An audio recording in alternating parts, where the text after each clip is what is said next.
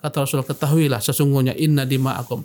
Sesungguhnya darah-darah kalian wa amwalakum harta-harta kalian wa aradakum kehormatan kalian haramun alaikum haram atas kalian. Saling menumpahkan darah, mengambil harta dengan tidak hak, mencerca, menggunjing, melecehkan kehormatan manusia, kahormati yaumikum hadha, fi baladikum hadha, fi syahrikum hadha. Sebagaimana haramnya hari kalian ini, di negeri kalian ini, pada bulan kalian ini. Allahumma inni ballagtu fashad. Ya Allah, aku telah sampaikan. Saksikan. Ini misi Islam. Bismillahirrahmanirrahim. Assalamualaikum warahmatullahi wabarakatuh. Kembali lagi bersama kami di podcast SNTV pada segmen podcast santai bareng Ustadz. Alhamdulillah pada kesempatan kali ini, insya Allah kita akan membahas terkait dengan masalah yang sedang terjadi di Indonesia ini, yaitu berupa sebuah krisis kepercayaan masyarakat, sebuah krisis keamanan di tengah masyarakat kita. Nah, membahas terkait dengan ini nih, nah ini kita tepatnya mendatangkan seorang ahli. Nah, kita mendatangkan seorang ustadz yang ahli di bidang ini nih nah, pembahasannya. Uh, kita dibersamai oleh beliau, guru kita Al Ustadz Abu Fairuz LCMA Hafizallah Taala. Assalamualaikum Ustadz. Waalaikumsalam warahmatullahi wabarakatuh. Nah, Ustadz, nah ini langsung aja nih Ustadz. Iya, kan akhir-akhir ini Ustadz nih. Sebentar, ini anak nggak ahli-ahli kali lah. ya cukup pas lah Ustadz ya. Nah Ustadz nih, uh, jadi kan Ya seperti yang kita lihat ini Ustaz di berita-berita akhir akhir-akhir ini di berita Indonesia kita nih negara kita ini eh, ya banyaklah terjadi sengketa baik antara masyarakat, antara ormas, antar eh, di pemerintah sendiri bahkan terkait dengan adanya vaksin sendiri pun juga terjadi perpecahan Ustaz. Oh, ah vaksinnya belum teruji lah belum ini. Nah, ya banyaklah isu-isu lah Ustaz. Nah, kita ini Ustaz uh, ya yang keamanan itu apa yang dimaksudkan? Nah, iya itu Ustaz. Jadi kan karena terlalu banyak isu ini kita tuh jadi ya insecure lah istilah zaman sekarang ini tidak merasa aman. Nah sebenarnya uh, apa sih Ustadz urgensi keamanan ini bagi sebuah negara ya bagi kita lah seorang muslim itu bagaimana Ustadz? Tafadhol Ustadz. Baik, Bismillah, Alhamdulillah, wassalatu Uh, tentu akhi barakallahu. Aman itu begitu penting. Dan aman adalah merupakan uh, sesuatu yang menjadi mimpi-mimpi manusia. Semua orang ingin cari aman. Terus. Ya, lintas agama, apa pun agamanya, semua orang mau aman. Ya, dan bila keamanan terganggu, muncullah berbagai macam kerusakan. Dan kita berbicara tentang agama kita, agama Islam. Ya, ketika Ibrahim alaihissalam berdoa, Rabbi ja'al hadha baladan amina, warzuq ahlahu minas thamarati man amana minhum billahi wal yawmil akhir apa doa Ibrahim? Ya Allah jadikanlah negeri kami ini maksudnya negeri Mekah negeri yang aman. Kemudian setelah itu berilah kepada penduduknya rezeki berupa buah-buahan. Siapa yang beriman di antara mereka? Kalau anda perhatikan di sini, Ibrahim minta terlebih dahulu keamanan, baru minta rezeki. Kenapa? Dengan aman. Betul. Anda coba bayangkan keadaan negeri-negeri yang di sana kolaps, dampak daripada pecahan masyarakat yang menumbangkan rezim-rezimnya. Atau melihat Libya atau melihat Mesir lihat juga Suria lihat Afghanistan. Ketika keamanan ini terganggu semua terganggu. Betul. Ya. Oleh karena itulah Islam memerintahkan kita untuk benar-benar berusaha mewujudkan keamanan menjaga keamanan. Ya antum bayangkan antum tak akan bisa ke masjid andai kata tak aman Subhanallah. Antum tak bisa belajar, tak bisa masuk kuliah, universitas. Ya, anak-anak pun demikian. Lihatlah keadaan kaum muslimin di Suriah. Tidur aja tak aman. Subhanallah. Antum lihat bagaimana wanita muslimah mereka tidur pakai hijab, pakai jilbab. Kenapa khawatir tiba-tiba ada bom, mereka harus keluar rumah. Subhanallah. Di bawah bayang-bayang ketakutan. Mana nikmat suatu negeri yang rusak keamanannya? Antum mau keluar takut di simpang jalan ada berbagai macam gangguan, ada uh, pembegal di jalan, subhanallah. Tinggalkan sebentar motor, hilang motor, pencurian di mana-mana. Subhanallah. Kemudian tersebarnya isu-isu bentrokan antara massa. Betul. Ini bahaya. Subhanallah. Dan tentunya kita perhatikan keamanan ini jika terganggu, terganggulah semuanya. Fondasinya tuh keamanan ini Ustaz. Aman itu. Dan Allah tuh hanya dapat disembah ketika kondisi aman. Kalau anda tanya antum, kenapa Rasulullah Sallallahu Alaihi Wasallam perintahkan sahabat untuk hijrah ke Madinah sebelumnya ke ke negeri Habasyah? Kenapa? Karena tak aman ber, beribadah menyembah Allah di kota Mekah. Mereka sholat terganggu untuk mengatakan Rabbi Allah, Tuanku Allah terganggu. Ketika tak aman Rasulullah suruh hijrah. Karena kita hidup itu untuk menyembah Allah, tujuan hidup kita. Wa ma khalaqtul jinna wal insa illa liya'budun. Tidak aku ciptakan jin manusia kecuali untuk beribadah kepadaku. Beribadah ini tak akan pernah dapat terwujud tanpa keadaan aman. Betul. Setuju. Subhanallah. Jadi, tahulah kita pentingnya keamanan. Urgensi agama uh, keamanan begitu penting. Dialah merupakan tujuan setiap umat manusia agar aman dan itu pula lah tujuan dalam Islam. Bahkan Nabi yang mulia SAW apa yang beliau sabdakan di hadapan ribuan kaum muslimin pada haji wada. Apa kata Nabi SAW? Ada sekitar 115 ribu kira-kira para sahabat. Apa yang Rasulullah gariskan, tegakkan kata Rasulullah SAW ketika beliau bertanya, Ayu syahrin hadha? Ya, e, pertama dia katakan, Ayu min hadha? Hari apa hari ini? Para sahabat berkata, Para sahabat mengatakan Allah dan Rasul mengetahui. Kata Nabi, bukankah ini hari An-Nahar tanggal 10 Dzulhijjah kata mereka bala ya Rasulullah. Kemudian Rasulullah bertanya, e, bulan apa ini? eh kata mereka Allah dan Rasul mengetahui. Mereka khawatir Rasulullah mengganti nama bulan. Kata Nabi, bukankah bulan haram? Iya ya Rasulullah. Negeri apa ini? Mereka berkata Allah dan Rasul mengetahuinya. Allah dan Rasul mengetahui. Kata Rasul, bukankah ini negeri Mekah yang Allah haramkan? Kata mereka, betul ya Rasulullah. Kata Rasulullah, ketahuilah sesungguhnya inna dima'akum. Sesungguhnya darah-darah kalian, wa amwalakum harta-harta kalian, wa aradakum kehormatan kalian haramun alaikum haram atas kalian. Saling menumpahkan darah, mengambil harta dengan tidak hak, mencerca, menggunjing, melecehkan kehormatan manusia, kahormati yaumikum hadha, fi baladikum hadha, fi syahrikum hadha. Sebagaimana haramnya hari kalian ini, di negeri kalian ini, pada bulan kalian ini. Allahumma inni ballagtu fashad. Ya Allah, aku telah sampaikan. Saksikan. Ini misi Islam. Keamanan. Nah, keamanan. Kira-kira udah masuk ya? Oke. Sudah, mantap kali Ustaz. Nah, Ah. sekarang bagaimana Ustaz untuk kita ini mencapai keamanan itu sendiri Ustaz? Masya Allah, itu pertanyaan yang luar biasa. Menunjukkan antum luar biasa ya, biasa di luar. Soalnya penting banget kan Ustaz tadi setelah tahu urgensinya ini kan. Iya. Nah, kita gimana sih eh, cara mencapainya itu tadi Ustaz? Nah, Iya. gitu. Kalau kita perhatikan dalam nas-nas Quranul Karim, keamanan itu akan terwujud dengan beribadah menyembah Allah Subhanahu wa taala. Kok bisa? Iya, antum pasti apa suratnya? Kata Allah Subhanahu wa taala ketika menyebutkan nikmatnya yang dia berikan kepada Quraisy li fi Quraisy karena menjadi tradisi kaum Quraisy ila fihim rihlat asy-syita'i was-sayf mereka berperjalanan safar dalam rangka berdagang. Ya Allah berikan pada mereka nikmat berdagang ke negeri Syam dan ke negeri Yaman ketika musim panas dan musim dingin. Kata Allah setelah itu, "Fal ya'budu rabb hadzal bait." Hendaklah mereka mengibadati Tuhan pemilik rumah ini, Ka'bah ini sebab rumah inilah mereka dimuliakan Allah Subhanahu wa taala. Apa kata Allah? Alladzi at'amahum min ju'. Tuhan yang diibadati mereka inilah Tuhan yang memberikan mereka Ya, dari kelaparan menjadi kenyang. At'amahum min ju' wa amanahum Min khawf. min khawf. Tuhan yang memberikan kepada mereka rasa keamanan dari ketakutan. Jadi inti pilar pertama dalam Islam untuk mencapai keamanan adalah dengan cara menyembah Allah Subhanahu wa taala semata. Mengibadati Allah. Dalam konsep Islam dan itu dah telah diterapkan Nabi SAW. Saya ingat sekali eh, ketika datang salah seorang sahabat Nabi ya Khabbab datang. Khabbab ini budak yang disiksa oleh tuannya. Ya.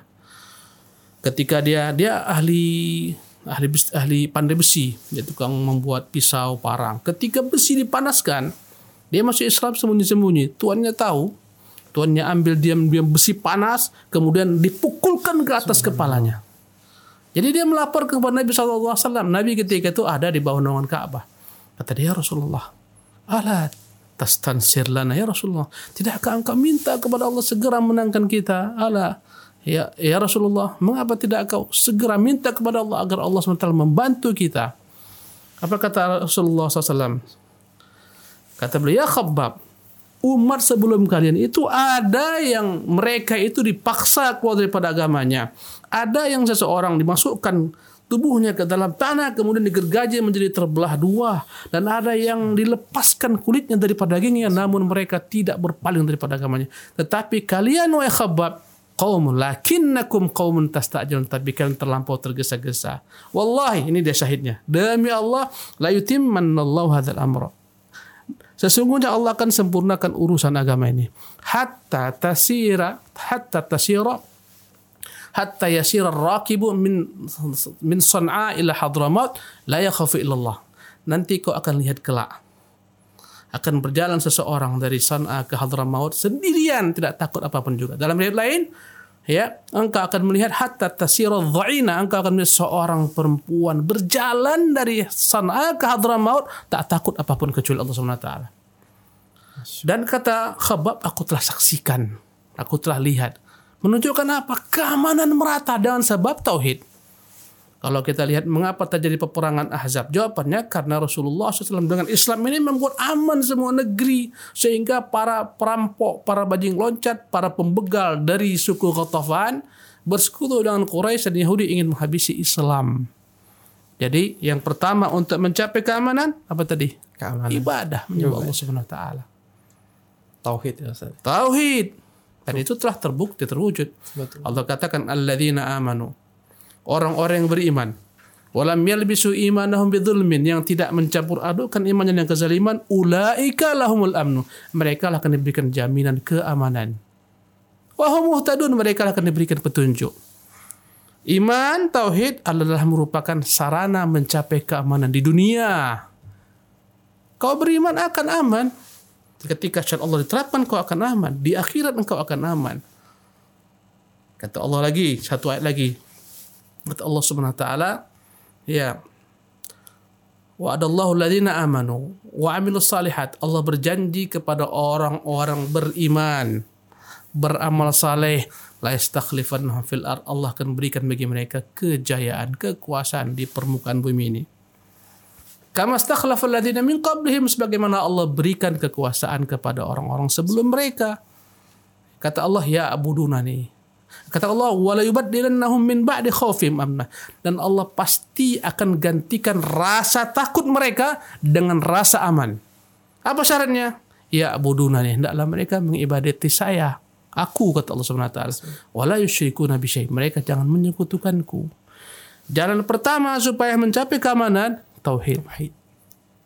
Adapun yang kedua, supaya terwujud keamanan, prinsip agama kita memerintahkan kita untuk taat kepada pemimpin yang telah menjadi pemimpin bagi kita. Nah, setuju nih Ustaz. Ini yang kedua nih.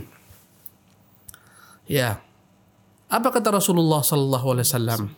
Inna Allah radiya lakum thalathan. Allah tu ridho daripada kalian tiga hal. Tiga hal inilah jalan mencapai keamanan. Kata Allah Subhanahu kata Rasulullah, "Inna Allah radiyalakum thalathan." Allah ridho dengan tiga hal. Ya. Pertama adalah anta budullah wa la tusyriku bi syai'an.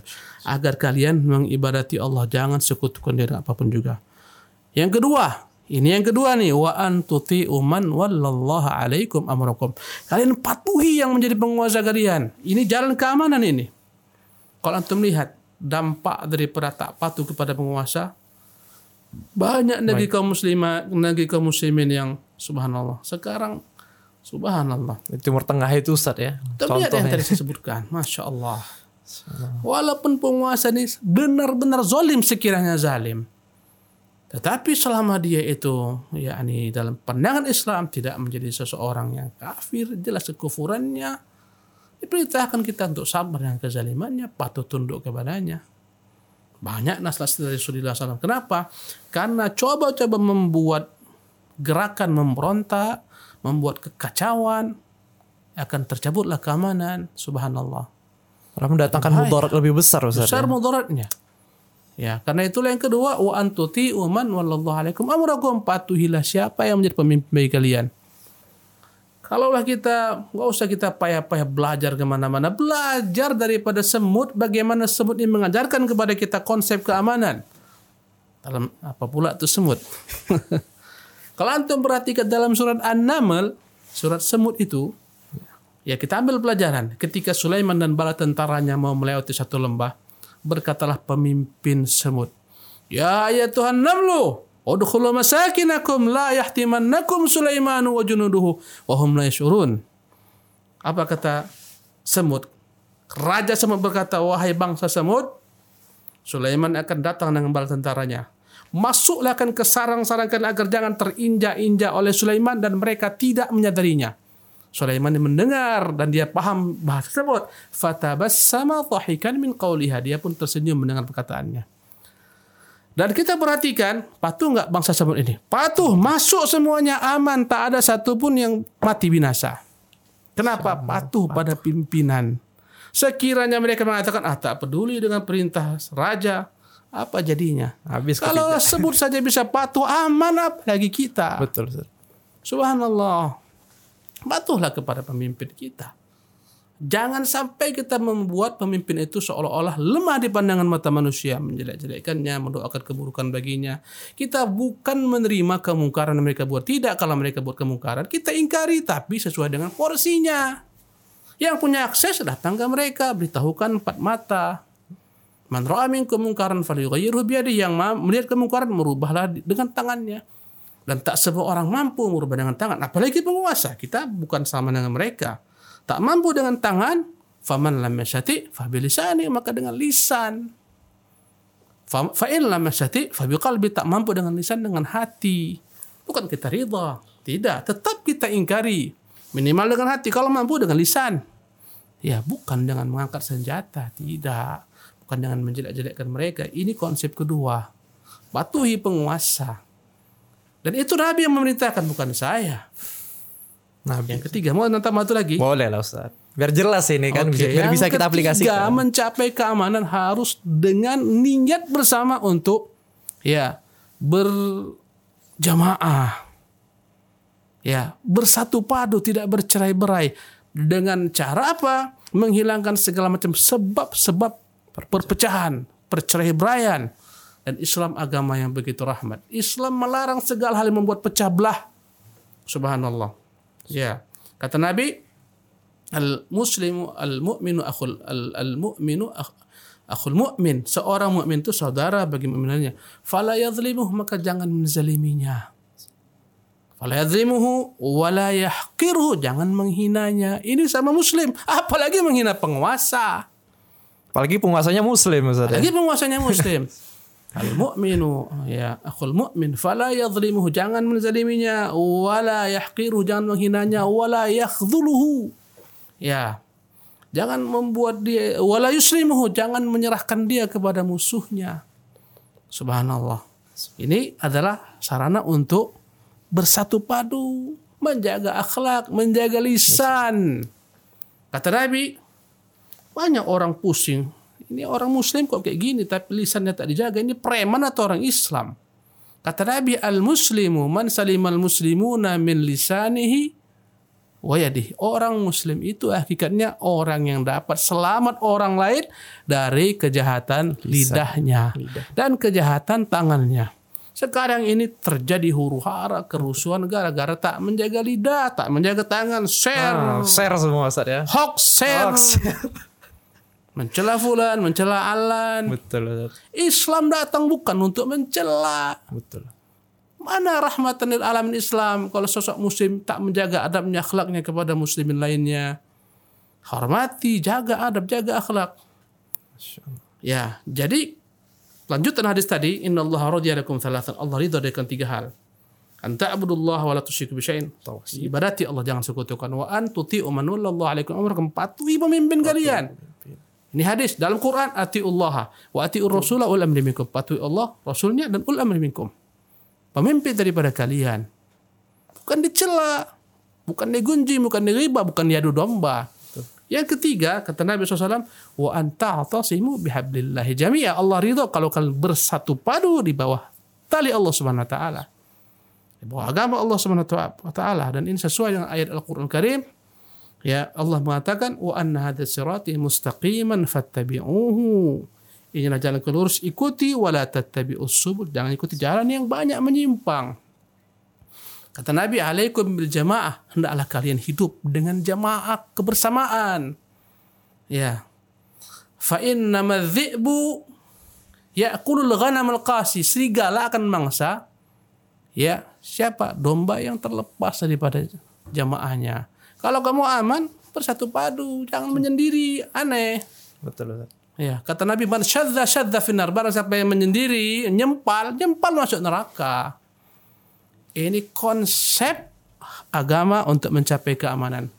Ibadati Allah, patuhi pemimpin, bersatu, menghilangkan segala sebab yang membuat rusuh, pecah belah.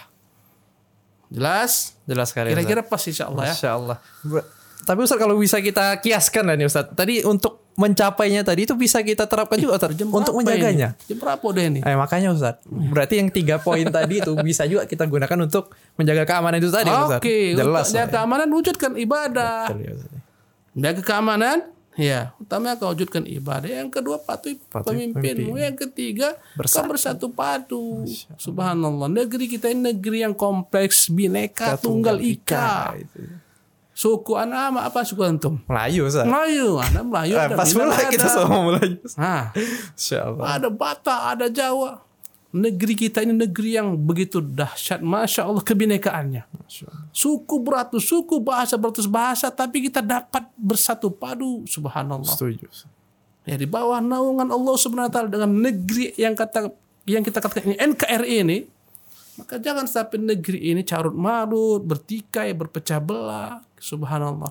Pejuang kita setengah mati memerdekakan negeri ini, kita malah tak menjaganya.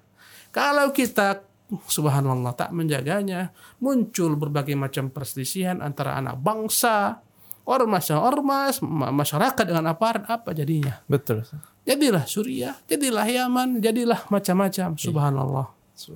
Ya, maka keamanan yang kita rasakan sekarang ini antum bisa sholat, antum bisa ngaji, jaga.